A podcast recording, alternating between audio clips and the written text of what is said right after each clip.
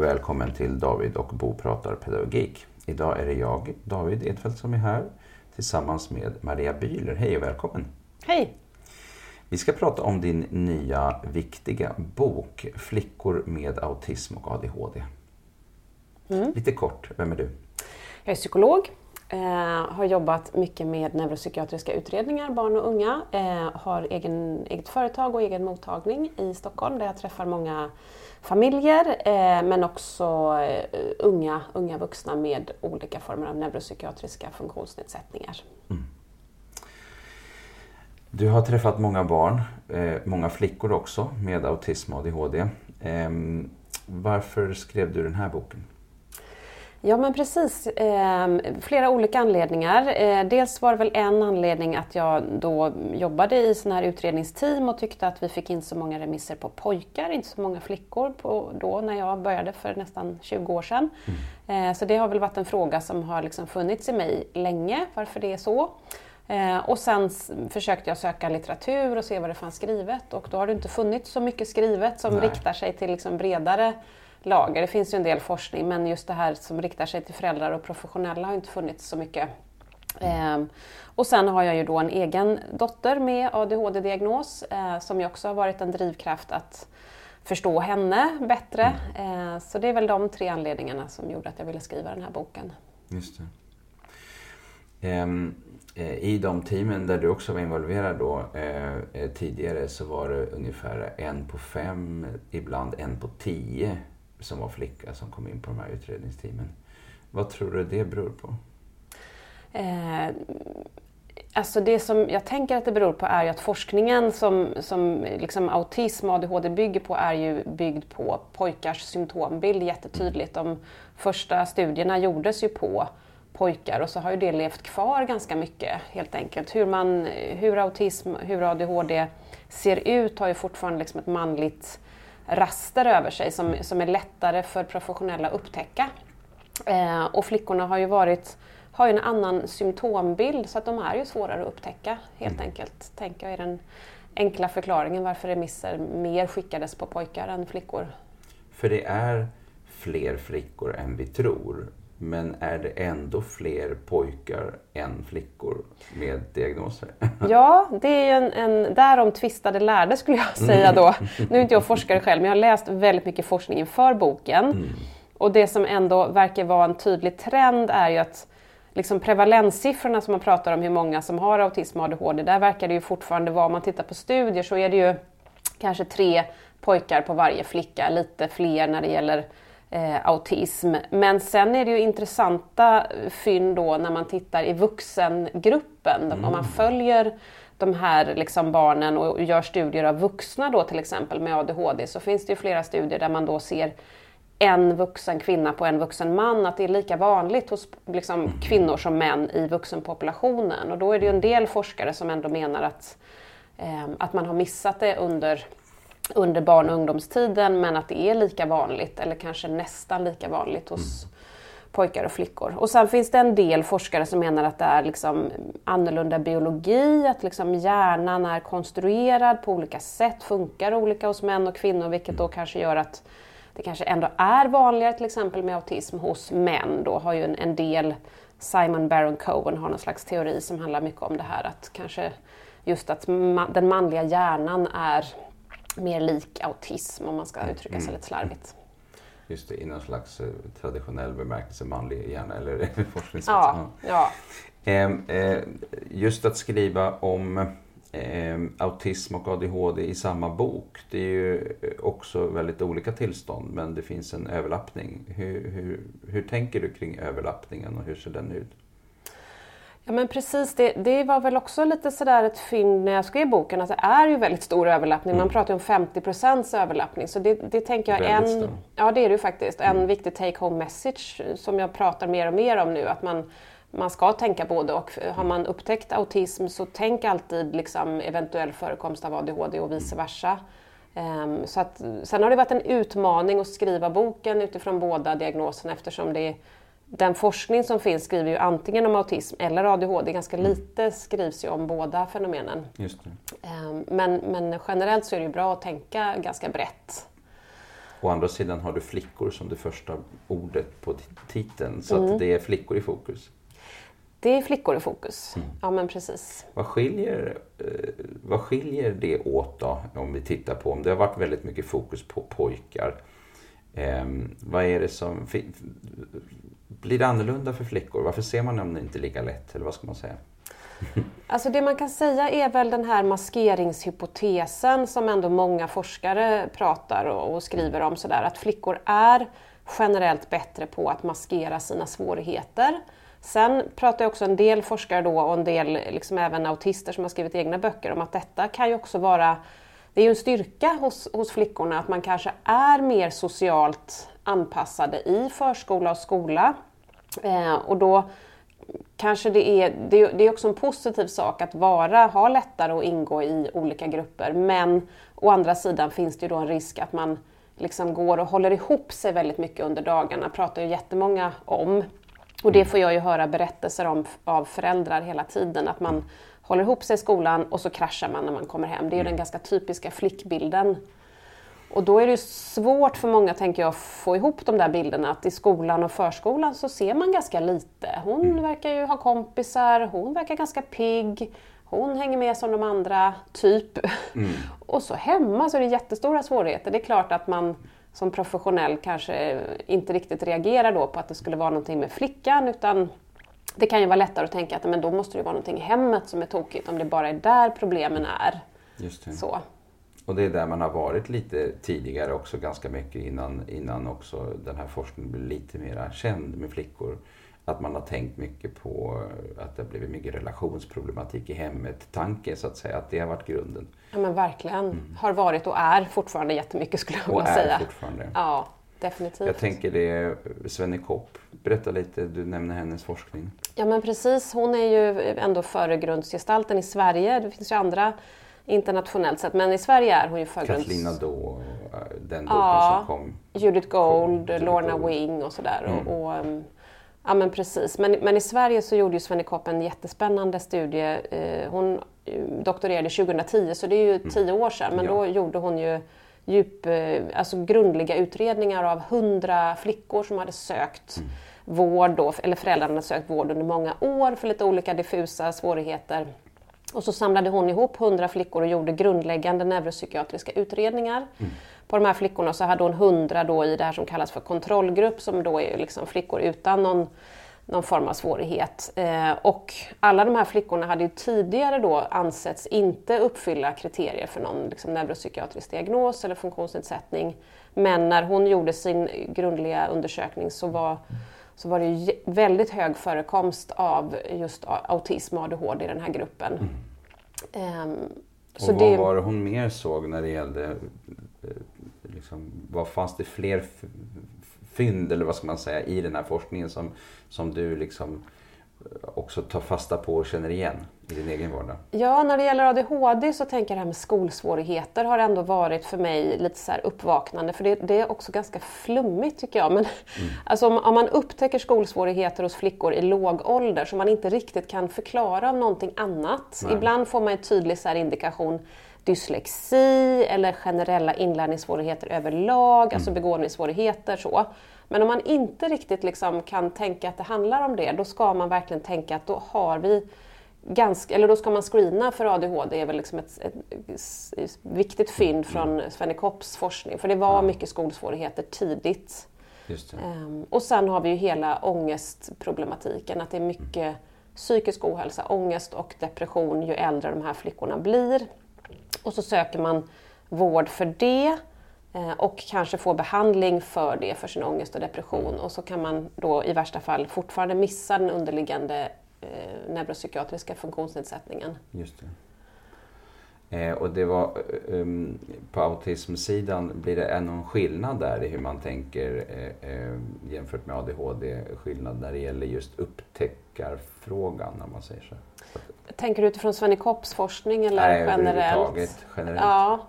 Um, alltså generellt så skulle jag nog säga att det, det, det är ju mer kanske tydligt, alltså det här med att inte komma till skolan till exempel. Mm. Det blir kanske kraftigare uttryck, att det blir liksom mer mer totala sammanbrott hos de här flickorna. Det har man ju också sett i de här Autism och Asperger-förbundets skolenkäter som kommer vartannat mm. år. Att det är ju just flickorna i yngre åldrar som nu liksom ökar eh, väldigt oroväckande just att inte komma till skolan alls. Nej.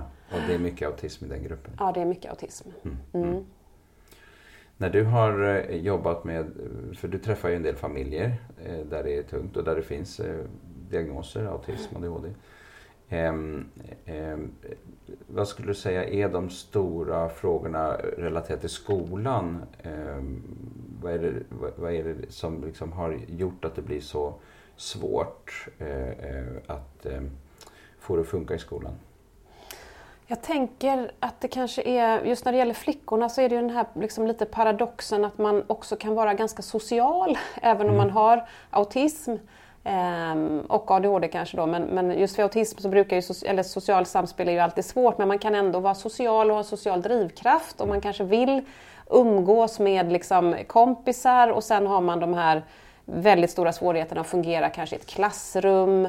Eh, man kanske har jättesvårt att klara av krav överhuvudtaget. Det blir mycket liksom avvisande beteende som då gör att skolan kanske tänker att då måste vi ha en väldigt special, special lösning för den här flickan men hon kanske ändå vill ha det här sociala sammanhanget med sina kompisar från den stora klassen. Och den liksom, det, det tycker jag ofta verkar vara svårt att få ihop för skolor. Mm. Då, då kan det bli just det här att föräldrar då upplever att man inte får rätt anpassningar och, och flickan liksom hamnar längre och längre ifrån skolan. Mm.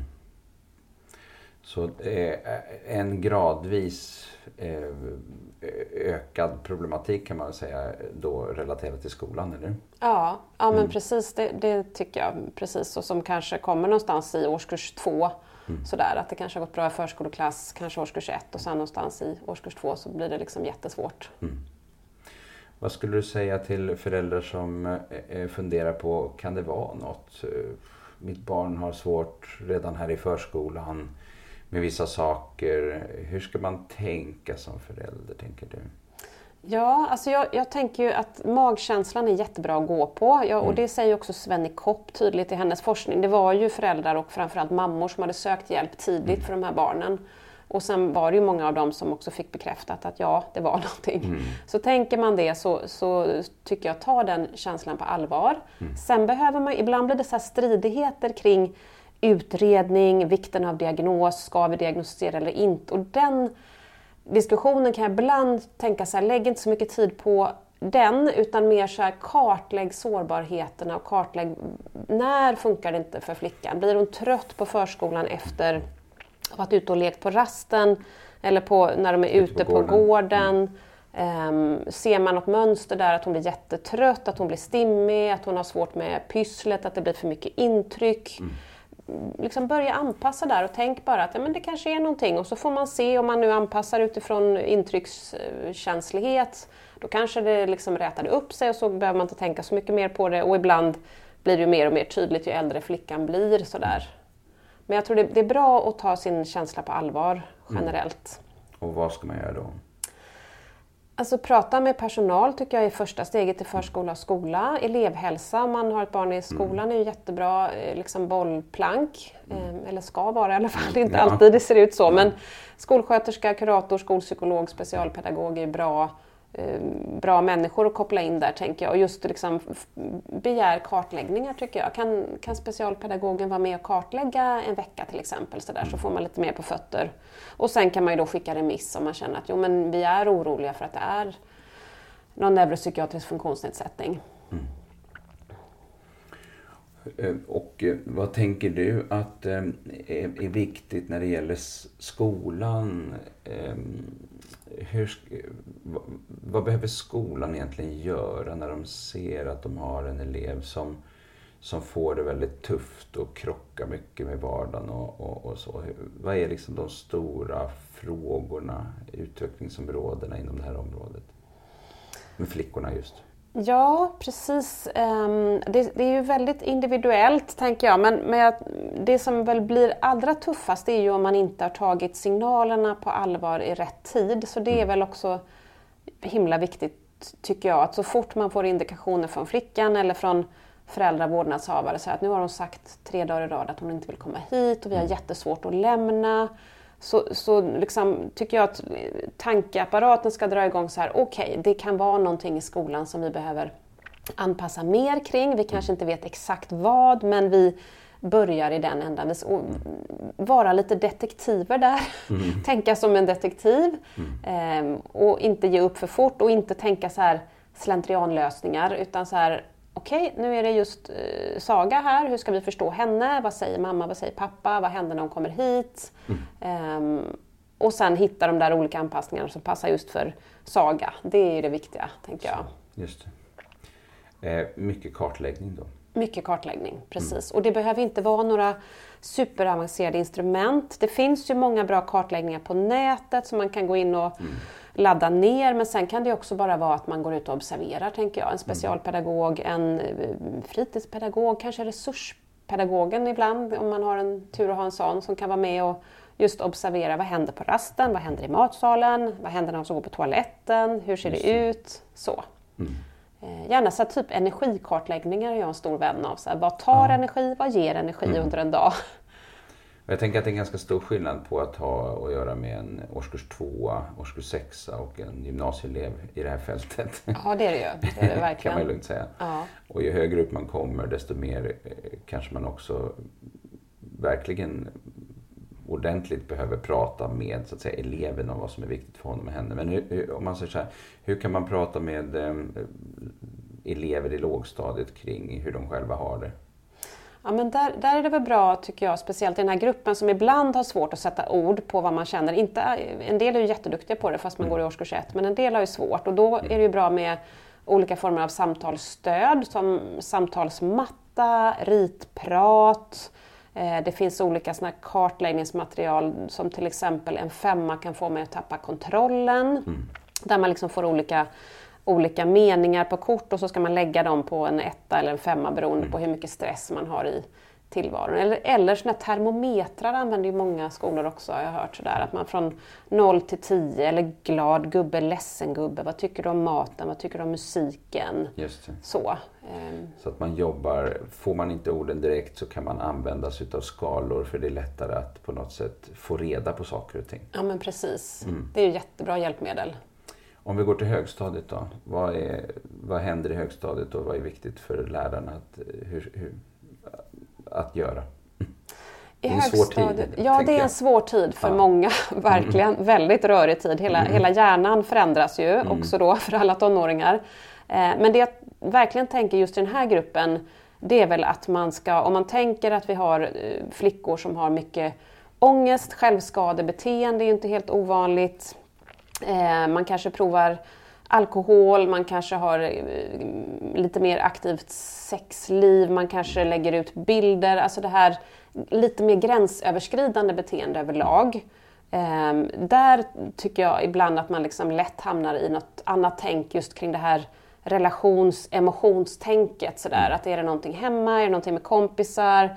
Eh, ibland får jag höra mycket kring det här med borderline som det pratas lite slarvigt om. Så jag mm. tycker att börja tänk NPF först faktiskt, mm. skulle jag vilja säga. Tänk ADHD, tänk autism eh, och screena lite. För alltså, vad händer om vi testar den hypotesen? Liksom? Kan ja. det vara ADHD? Kan det vara att hon mm. har jättesvårt att koncentrera sig i skolan fast vi inte riktigt har upptäckt det? Mm. Um, för det handlar ju inte om att man ska ställa diagnos, men det handlar om att man ska börja sätta på sig vissa glasögon för att börja se ja, vad är det som faktiskt ställer till det. Precis, och det händer ju någonting med mitt bemötande som vuxen också om jag tänker just funktionsnedsättning eller att det här är mer testa gränser, hon har det svårt hemma mm. eller någonting är lite allmänt liksom rörigt. Det blir helt andra utgångspunkter i bemötande tänker jag. Just det. Och går vi upp till gymnasiet, eh, vad ska vi tänka kring det? Ja precis, gymnasiet är ju, eh, där känns det som att att det finns ganska mycket att göra när det gäller anpassningsarbetet. Där vet jag att du har gjort en del David. Jag har inte mm. jobbat riktigt lika mycket i gymnasiet men, men har själv en dotter som har börjat på ja, gymnasiet precis. nu. Och då man ju, får man ju höra lite kring det här frivillighetsperspektivet som ju blir en mm. liten extra pålagring har jag förstått nu. Att man kan få höra från liksom, vuxna i gymnasiet att gymnasiet är frivilligt så att ja, typ det skulle ni ha tänkt på innan ni började gymnasiet. Och den, den blir utmanande med den här gruppen tänker jag. Det verkar vara väldigt olika hållning i olika gymnasier kring hur man gör. Eh, Mm. På vissa ställen är det där att de ser eleven som liksom eleven i sig själv. nog. Men på vissa gymnasier så efterfrågar de väldigt mycket kontakt med vårdnadshavare. Därför att de vet att de har att göra med elever som eh, har en hel del svårigheter av olika slag. Eh, eh, vad tänker du att en, man som förälder kan göra för att eh, så att säga kunna stötta sitt barn i gymnasiet? Just i gymnasiet, tänker du? Um, alltså där är det väl Mm. Att också där vi pratar här... om den med frivilligheten för att annars... Ja, just För det. tidigare så har man ju ändå föräldrar, då är ju föräldrarna ändå mer nära. Ja. Förhoppningsvis, men det är inte alltid så. Man behöver väl tänka lite både och det här att man har ju då ett barn som faktiskt börjar bli vuxen mycket tydligare än liksom tidigare och en del saker ehm, behöver man ju lära sig och klara själv för man närmar sig vuxenlivet, man ska flytta hemifrån och börja betala sina egna räkningar och sådär. Eh, så stötta det tänker jag alltid bra med olika former av eh, Alltså empowerment, att få lära sig själv strategier för hur ska jag komma ihåg de här grejerna, vad påminnelser i mobilen, eh, allt sånt som underlättar bildstöd hemma för att komma ihåg att ta sin medicin eller vad det nu kan handla om och sådär. Det skapar ju en styrka hos ungdomarna tänker jag. Sen den andra delen är ju att man också behöver tänka att barnen i vissa aspekter, eller ungdomarna, är liksom mentalt yngre än jämnåriga. Så man kommer behöva vara mer eh, stöttande längre, tänker jag, som förälder till barn med neuropsykiatrisk funktionsnedsättning än, än om man har liksom vänner som har barn i samma ålder så får man inte bli för stressad om man hör att ja, men de åker iväg helt självständigt och har extra jobb. Och vissa tonåringar är ju otroligt drivna i den här Ja, åldern. Så. Att man får tänka att ja, ja, men mitt barn kanske har, ligger några år efter i vissa aspekter. Inte alla så, men Just sånt som är kopplat till självstyrning. Då tänker jag att då blir det ett medskick också till eh, de pedagogerna som jobbar i gymnasiet att eh, verkligen förstå att det är så stor variation på det här med att kunna styra sig själv. just det, det, det är nog bra medskick, verkligen. Precis. Och att vara öppen och, och lite lyhörd där, tänker jag. Att hur ser det ut just för, för den här tjejen eller den här killen? Det, det är generellt, tänker jag, sådär att okej, här verkar det funka jättebra och han är liksom, eller hon är jätteframåt, men här verkar det faktiskt inte funka så himla bra. Här behöver hon nog mer stöd, kanske ett år till och sen i årskurs två eller årskurs tre så kanske hon har kommit ikapp jättebra. Just. Så. Ett litet medskick till flickorna med autism och ADHD. Vad skulle du vilja säga till dem? Vad skulle jag vilja säga till dem? Ehm, alltså rätt, rätten att, eller rättighetsperspektivet tänker jag så här, ni har rätt att få stöd liksom, utifrån just, eh, jag tänker också mycket kopplat till bemötande handlar det ju Ja. väldigt mycket om i grunden. Att man får det här lyhörda bemötandet, att man inte ska bli skuldbelagd och få höra, alltså de här flickorna har ofta fått höra väldigt mycket dumma kommentarer tänker jag, inte minst från vuxna som handlar om uppfostring och du borde väl klarat av det här och det förstår du väl att eh, kopplat till sociala medier. Man gör mer misstag, man gör bort sig. Liksom. Det är, och du har rätt att få stöd och hjälp i att inte liksom, känna dig supermisslyckad med det där. Ehm, vuxna ska stötta upp, ska finnas där som emotionellt stöd, tänker jag. Sen är det inte alltid så, det vet jag, men, men eh, jag tänker att det är ofta det som blir det jobbigaste för de här tjejerna, att de, de känner att de har gjort bort sig, de gör massa tokiga saker som inte jämnåriga gör och så känner man sig dum för det och så får man ännu mer ångest och så ramlar man ner i det här hålet liksom, som blir väldigt orättvist.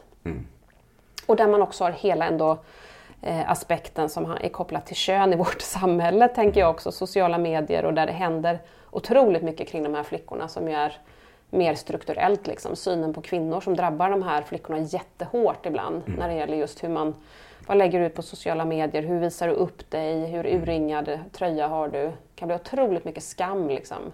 skammande. Just det. Och att ändå känna att eh, på något sätt eh, en slags, det handlar ju någonstans om att förstå sig själv. Hela barndomen ska vi bli mer och mer självstyrande. Eh, eh, och att någonstans få vara den man är då. Ja, verkligen. Mm. Verkligen. Ja, rättighetsperspektivet just utifrån ja, men det här neurodiversitetbegreppet, krångligt ord, men det, det är ju himla viktigt det här att, att det är ju inte bara personer med autism och ADHD som ska träna sig och bli som neurotypiker utan neurotypiker måste ju också anpassa sig till personer med ADHD och autism. För deras sätt att tänka och, och vara är ju otroligt viktigt för samhället. Liksom. Vi behöver ju... Alltså Greta Thunberg, det är lite uttjatat, men hon är ju ett lysande exempel på det. Liksom. Hon hade inte kommit så långt utan sin autism, tänker jag ändå. Så. Viktigt. Ja. Vi avslutar där. Tack så jättemycket för att du var med. ja, men tack. Tackar. Thank you.